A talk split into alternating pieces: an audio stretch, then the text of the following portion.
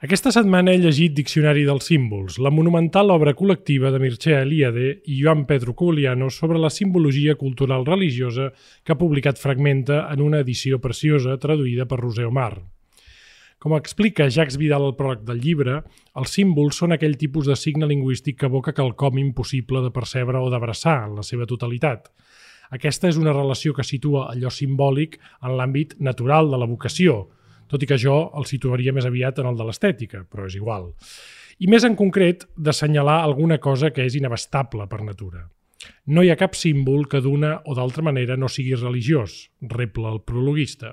I és així com el lector inicia un camí de 800 i escaig pàgines sobre la simbologia present en la iconografia, la literatura i les pràctiques de molts cultes del planeta. Aquest és un llibre de consulta obligat per tothom que s'interessi per la simbologia, però diria que seria una obra plumífera si no fos també un excel·lent artefacte literari que fa de bon llegir. Avui parlarem amb l'Ignasi Moreta, editor en cap de Fragmenta, d'aquesta fita important de la seva editorial i també reflexionarem sobre la simbolització permanent de la nostra vida. Perquè també és cert que vivim una espècie de sobredosi de símbols i llibres com aquests, a banda de molta informació sobre el tema, ens poden ajudar a cimentar una discussió interessant sobre si del símbol ens interessa més la seva capacitat de construcció d'imaginaris nous o, contràriament, la solidificació d'una tradició religiosa de comportament comú entre cultures. Perdoneu la metafísica física, però la cosa s'ho val. Ens arrelin al passat o ens empenyin al futur, aquest diccionari s'ha de celebrar com un dels esdeveniments importants del curs. I a l'illa de Mayans, ja ho sabeu, sempre ataquem les coses fonamentals. Aquesta setmana he llegit Diccionari dels símbols, però no ho he fet sol. Amb mi ho han fet el poeta Marc Rovira i el filòsof Joan Bordeus. Soc en Bernat de Déu i sou a l'illa de Mayans, el podcast Dona Llibres. This is my island in the sun where my people have toiled since time begun. I may sail on many a sea, her shores will always be home to me. Oh, island in the sun Ill to me by my father's hand. All my days I will sing in praise of your forest waters, your shining sun.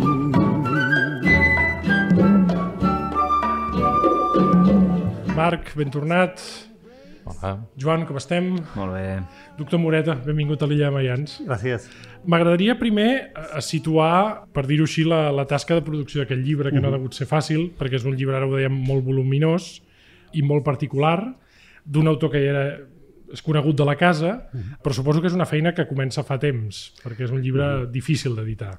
És una feina que comença fa 3 anys, quan a la Fira de Frankfurt l'editor de Jacabuc m'ensenya l'enciclopèdia de les religions d'Eliade, que és un, una, una magna obra en 16 volums en anglès que va sortir als anys 80, dirigida per Eliade, i me l'ensenya desconstruïda. El, és a dir, l'enciclopèdia de religions, com tota enciclopèdia, es presenta amb les veus alfabetitzades, de la A a la Z, i el que ha fet Jacabuc és fer un, el que se'n diuen l'edició europea del Diccionari de Religions, que és eh, reconvertir-la aquesta enciclopèdia en diccionaris temàtics. Vam fer un diccionari dels símbols, un dels mites, un del cristianisme, un del budisme, un dels conceptes religiosos, etc. No?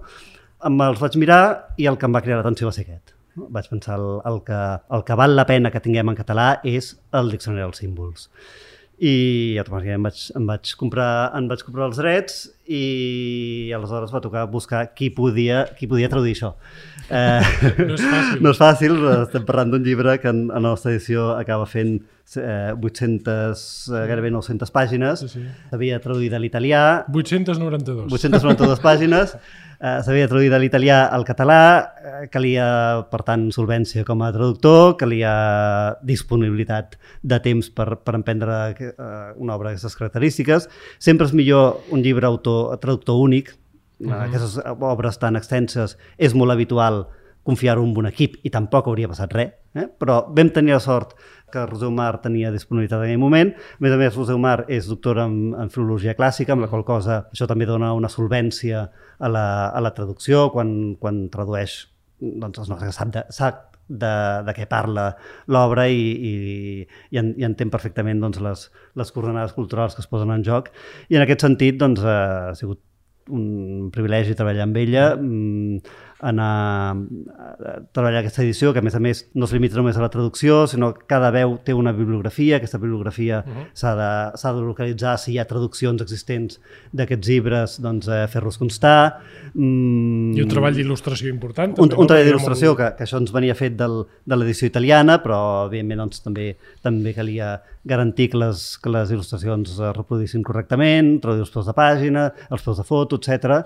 Per tant, sí, és una, una tasca laboriosa i bonica que hem estat fent aquests anys. Estaria bé tenir els 16 volums, potser d'aquí molt temps, però és, és una feina magna. És una feina magna. T'anava a dir que potser demanis una subvenció, però sé que això sempre és complicat, sí, sí. Però, però seria, no sé si seria possible, és, molt, és molt bèstia, no? Eh, és, és bèstia, potser algun, algun altre dels diccionaris, potser si tenim energia suficients, doncs, doncs eh, l'abordarem. En qualsevol cas, mm, tenia molt clar que el primer havia de ser aquest. Deia que és autor de la casa perquè és el tercer llibre que publiqueu, mm -hmm. no hi ha el sagrat i el profà, el mite de la Terra Torn, arquetips i, i repetició, el primer amb una traducció de la Júlia Argemí uh -huh. i amb una introducció del Vicenç Mateu i el segon amb una introducció de, de Lluís Duc i una traducció del, del Víctor Ubiols. Per situar-nos una mica abans de parlar amb el Joan i el, i el Marc i, i saber que els hi ha criat l'atenció d'aquest llibre, que vaja, és molt difícil que no et cridi l'atenció de res perquè hi ha potser massa contingut i tot, no? per llegir-lo d'una sola vegada. Què hauríem de saber? Per què és tan important eh, aquest autor dins, mm. dins de l'editorial? Perquè sí. bé, tres llibres no són pocs i aquest mm. és un llibre important. Sí, Mircea Eliade passa per ser el gran historiador de religions del segle XX. Historiador de religions, potser més que historiador de religions, el que, el que realment ens ha quedat d'Eliade és el llenguatge que ha fet servir per parlar de religions. No? El, la contraposició sagrat-profà, la idea de centre del món, no? que cada cultura se sent al centre del món i en, i en virtut d'això organitza tot l'espai, no? tota la concepció, la percepció de l'espai, no? el, el concepte d'axis mundi, de, de trobar-se en un eix, el concepte de sacrifici, el concepte de mística, el concepte de homo religiosos, com. Eliade defensa que per més que ens pensem que vivim en un món secularitzat, hi ha una pervivència d'actituds pròpies de l'homo religiosos que mantenim nosaltres, fins i tot la persona més occidentalitzada i, més, i, i, i amb més consciència de secularització del món, doncs té, té uns determinats com, comportaments propis de l'homo religiosos. No? Tot això Eliade mm, ho, ha, ho ha treballat molt, ho ha, ho ha, ha creat llenguatge al voltant d'això, té les seves tesis, evidentment, doncs, doncs, com tot com tot investigador eh, amb tesis pròpies, doncs, evidentment, són discutibles, són, són objecte de debat, de discussió, però, però és una aportació molt sòlida, no? i per tant, mm, una editorial com la nostra, que, que pretenem posar el tema, l'especulació al voltant del sagrat, mm, al centre, doncs evidentment Eliade és un autor que no, no podria no ser-hi. Mm. No? I, i, per, I llavors vam, vam començar pel, pel Sagrat i el Profà, que és potser l'obra més coneguda d'Eliade. Mm. Després el Lluís Duc li vaig preguntar quin altre llibre creus que valdria la pena publicar d'Eliade? Si, si hem de triar un altre, i em va dir El mite de retorn, aquest Mm, claríssim. Eh, el Lluís Duc tenia una, una relació d'amor-odi amb Eliade molt forta perquè li va dedicar la tesi doctoral i a mitja tesi es va donar que a l'IADE no li agradava gens. Això acostuma a passar quan fas una tesi doctoral, que llavors, odies la matèria d'estudi. El va acabar odiant, va, uh, això li va comportar alguns problemes a l'hora de, de, de tancar la tesi, no va, Eliade era viu, no va entrar en contacte amb ell perquè com que doncs, no, finalment no va sentir sintonia amb el pensament d'Eliade, doncs anar-li a fer la pilota no, no, no tenia cap sentit i llavors bé, va, va, va acabar defensant la tesi, la va acabar publicant eh, i és un autor que, que per Duc és molt important mm. doncs, com a referència, però també per barallar-s'hi. No? Mm. Sí, i, i sobretot ara ho deia Marc, Joan, és, és un text important de cara a l'acadèmia, però també és un text que es pot anar llegint perquè és un, és un deia, un bon artefacte literari, és a dir, un, és un text que es pot anar, per dir-ho així, llegint uh, randomly d'entrada a entrada. M'agradaria començar parlant una mica també de la noció mateixa de símbol, no? Potser definint-lo una mica, és a dir, per què és tan important aquesta noció de símbol, i ara ho deia l'Ignasi, no? fins i tot per una cultura molt secularitzada, els símbols són importants a l'hora d'acostar-se el nostre patrimoni artístic, per exemple, el nostre patrimoni, no cal dir de creences, però també el patrimoni de la societat contemporània, diguéssim. Estem, estem rodejats de símbols, no? A veure, tu has definit bé a la introducció, vull dir, sabem eh, que els símbols són una cosa... Vull dir, hi ha una teoria dels símbols, sabem que són molt importants. És impossible no parlar-ne sense recórrer a la clàssica, a la clàssica origen etimològic, etimològic del símbol, allò, la idea del símbol, que era una placa que dues famílies, en teoria el seu origen és grec, i no quan un, dos amics o dues famílies que s'havien ajudat entre ells eh, per tal de reconèixer-se en el futur, agafar un objecte, el partien entre dos, dues meitats i suposadament uh -huh. eh, els seus descendents o amics d'amics podien tornar-les a juntar i tornar a recuperar aquesta amistat feliç. No? Això que és un cliché que surt també aquí, sempre surt quan se'n parla, per mi conté tota la idea del símbol, no? aquesta idea que el símbol sempre és una part d'una altra cosa més gran i que el fil que els uneix eh, té un punt eh, real, literal, perquè van estar ajuntats, va haver una connexió directa, però també té un punt metafòric allunyat que no som capaços de traçar, no?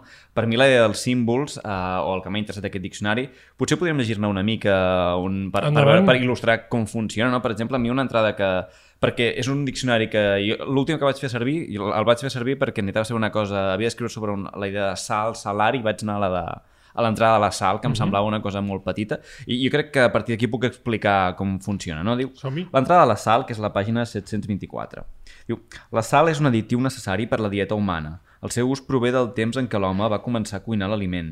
L'esmers de la sal com a conservant i condiment va fer-se tan important que ben aviat va adquirir una diversitat sorprenent de significats simbòlics. Diu. Els egipcis i els grecs l'empraven en alguns sacrificis. Diu. Els sacrificis bramànics, rituals hitites i durant la festa de la lluna nova de semites i grecs es tirava sal al foc per generar un espatè que contenia un significat simbòlic. Tanmateix, no sembla que aquest costum tan interessant i multicultural tingui cap mena de relació amb l'enigmàtica frase de l'Evangeli de Marc tothom serà salat amb el foc de la prova. Bé, fins aquí. Uh -huh. Què t'explica aquí? t'explica que tot símbol té una part d'origen que sembla real i prelingüístic, és a dir, que la sal, les seves propietats i com és utilitzada no, per, per la conservació dels aliments et diuen alguna cosa de com serà feta servir en la cultura, és a dir, la sal, la dalt i el baix no semblen nocions arbitràries, i alhora aquesta cosa sorprenent que moltes vegades, quan arribes a, a l'ús simbòlic en rituals de diferents religions, pot no tenir res a veure o pot ser molt complicat i el que per una cultura és uh, la sal significa vida, en una altra uh -huh. significarà mort. Clar, en aquesta doble, aquest doble joc dels símbols que sempre ens trobem aquí, el que per mi és interessant de l'IADE o per on, es de, per on es decanta l'IADE és en el que es coneix com aquesta doctrina tradicionalista. El, el tradicionalisme és un corrent de pensament que ve a dir que en totes les religions en les quals s'ha anat separant la humanitat, en el fons deriven d'una religió primordial i que no ha d'haver-hi una mena de competició per la veritat, sinó que cada religió, si la traces en el seu origen, també com la història del símbolon, s'agermana amb una veritat eh, originària. No? Jo crec que en aquesta idea de... el mètode Liade, aquesta, aquest tradicionalisme implícit, té a veure amb, amb buscar un origen comú en totes les religions i en tots els símbols i al final hi ha aquesta cosa que sempre associem la, la, les religions a una mena de batalla per, uh, sí, sí. Entre, entre diferents uh, doctrines o creences. Aquí, en el fons, tens al revés, tens una mena de sincretisme o una mena de reivindicació de la unitat en la diversitat de les religions que mm. retrotrau a una arrel original. Per mi, Eliade té aquesta, aquesta cosa de... Almenys la lectura per mi més intenta unir les religions més que no pas establir jerarquies i unir-les amb una mena d'origen atàvic que sempre és el que està buscant. No? Això que diu el, el Joan Ignasi trobo que és molt important, és a dir, això és una festa, per dir-ho així, de, de, de moltes, no només religions, en el sentit sí. que nosaltres les entenem, sinó fins i tot cultes, eh, dels quals ara ho deia molt bé, no? s'intenta buscar un origen comú d'aquesta pulsió per, uh, per abocar, que és l'arrel uh, de la mateixa paraula del, del, del que pretén el símbol, eh, i per dir-ho així, buscar un tronc comú. No? Aquesta és una de les idees que, que, que hi ha en aquest diccionari. No? Sí, a més ho, ho fan, a cada veu es veu molt clar, eh? Es miren les tradicions escandinaves, europees, mm. europees, sí, sí. Eh, russes, xineses, eh, eh, americanes, eh, precolombines, és a dir, és, un, és una obra intercultural, una obra mm. que, que hi ha una... L'eurocentrisme sempre és difícil d'evitar, no? Mm. I, i, I la Bíblia sí. té una presència, i la, la, el, el que més ens ha influït, doncs, òbviament, hi és, lectures de, de Jung, de, lectures de, de, de psicologia contemporània, etc. però hi ha aquesta obertura cap a, cap a una mirada àmplia i cap a un absolutament interdisciplinària i intercultural, eh, a través de la qual es veu que finalment diferents cultures apunten cap al mateix? Sí i no. Eh? O sigui, no, no, no sempre. Eh? No, no, no sempre i, tam i tampoc tampoc faria una lectura en clau filosofia perennis, eh? De, uh -huh. que, que necessàriament tot converseix i totes les regions diuen, diuen el mateix. L'IADE tampoc seria ben bé això. Eh? Però, però, sí, sí que hi ha una pulsió comuna per buscar imatges. No? Sí, això, sí, això no, no, i, i que en tots els casos doncs, doncs, eh, l'objecte ens, ens serveix per significar una altra cosa. No? O sigui, la, la lluna doncs, és un astre eh, és una realitat física, però ens serveix per parlar d'una altra cosa, no? I en aquest sentit, doncs, doncs això de la medalla que es parteix i que un remet a l'altre, no? En aquest símbol, una realitat material remet a un altre tipus de, de, de realitat i això, i això ho trobem a totes les cultures i aquesta remissió doncs, doncs té elements comuns en, en universos culturals diferents. Mm. Per això jo, jo deia al principi, Marc, que aquest, a mi aquesta pulsió que sempre s'associa a, la, a la vocació religiosa sempre em sembla més literària. No? Mm. És a dir, a mi em sembla també aquell llibre un gran diccionari de la literatura, perquè al final mm. és, un, és un gran diccionari d'imatges, no? és, un, és un gran diccionari de metàfores, és un gran diccionari d'explicacions. Ara parlava el Joan de rituals, no? hi, ha, hi ha moltíssim ritual, no? hi ha moltíssim, moltíssima imatge literària, vull dir, és una festa també per, per algú que busca metàfores. Exacte, no? I, i literària, concretament també poètica, és a dir, llegint el, el pròleg, no? Um, aquesta idea de del símbol com eh, una cosa que et permet comprendre, diguem-ne. Em semblava que era molt interessant o entendre el llenguatge simbòlic com una mena de superació, com una mena d'indicació que va més enllà del, del llenguatge racional. És a dir, en el, en el cas de la poesia, per exemple, l'ús del símbol pot ser aclaridor o no. I llavors aquesta, cada poeta utilitza o bé una cosa o bé l'altra. Llavors, clar, eh, a mi em vaig llegir sobretot amb molt d'interès els símbols que tenen un pes, diguem-ne, en la tradició poètica. No ho sé, per exemple, l'arbre o, o mm. l'aigua, no? I, tant. I és veritat que resseguint aquestes entrades, que, que són molt diverses, perquè com comentàveu, realment eh, doncs, analitza el significat del símbol en, en moltes cultures, és veritat que a mesura que va analitzant tot el símbol, et van sortint, d'alguna manera, referents, en aquest cas poètics, que dius, ostres, mira, aquí eh, l'aigua funcionava, no? ara sí, recordo, per exemple, que l'aigua parlava que els, els morts bevien l'aigua de la pluja, diguem-ne, perquè d'aquesta manera era com una mena de connexió amb, amb la vida.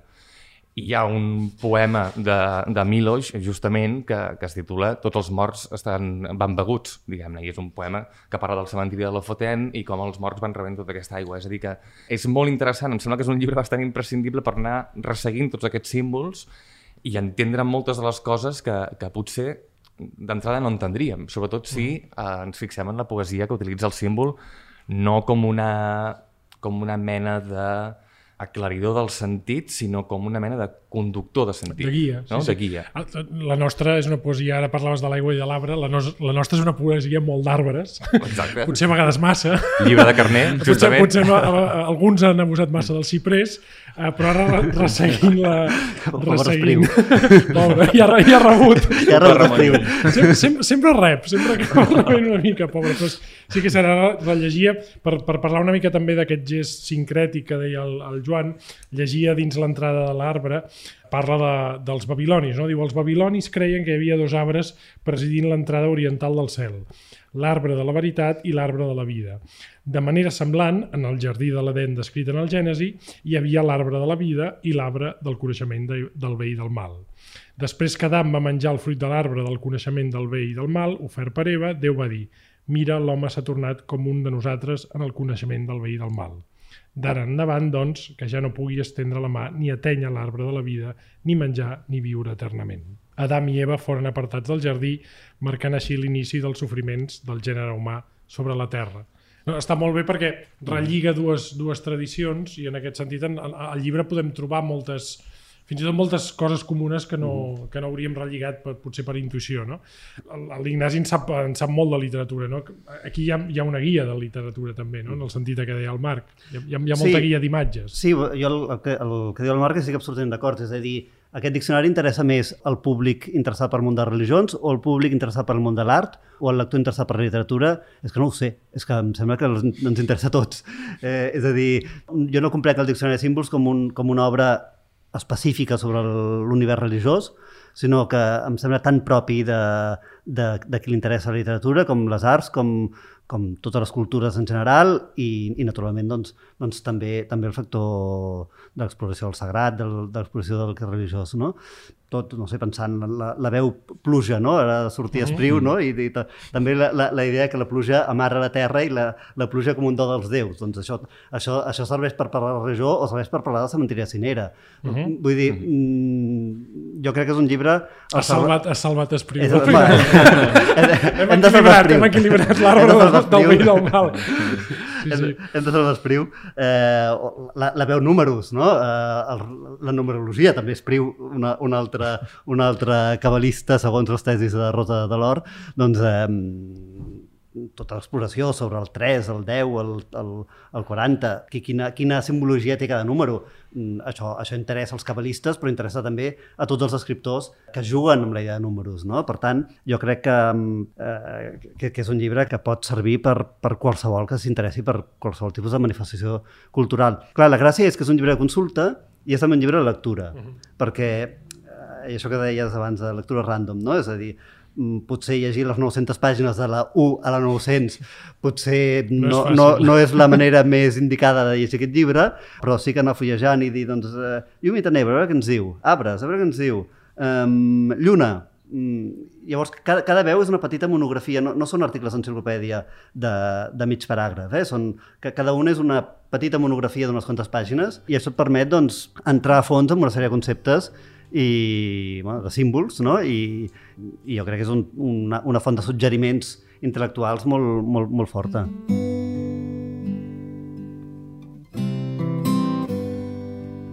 Abans de continuar, us volia agrair molt i molt el suport que estem rebent a cada capítol.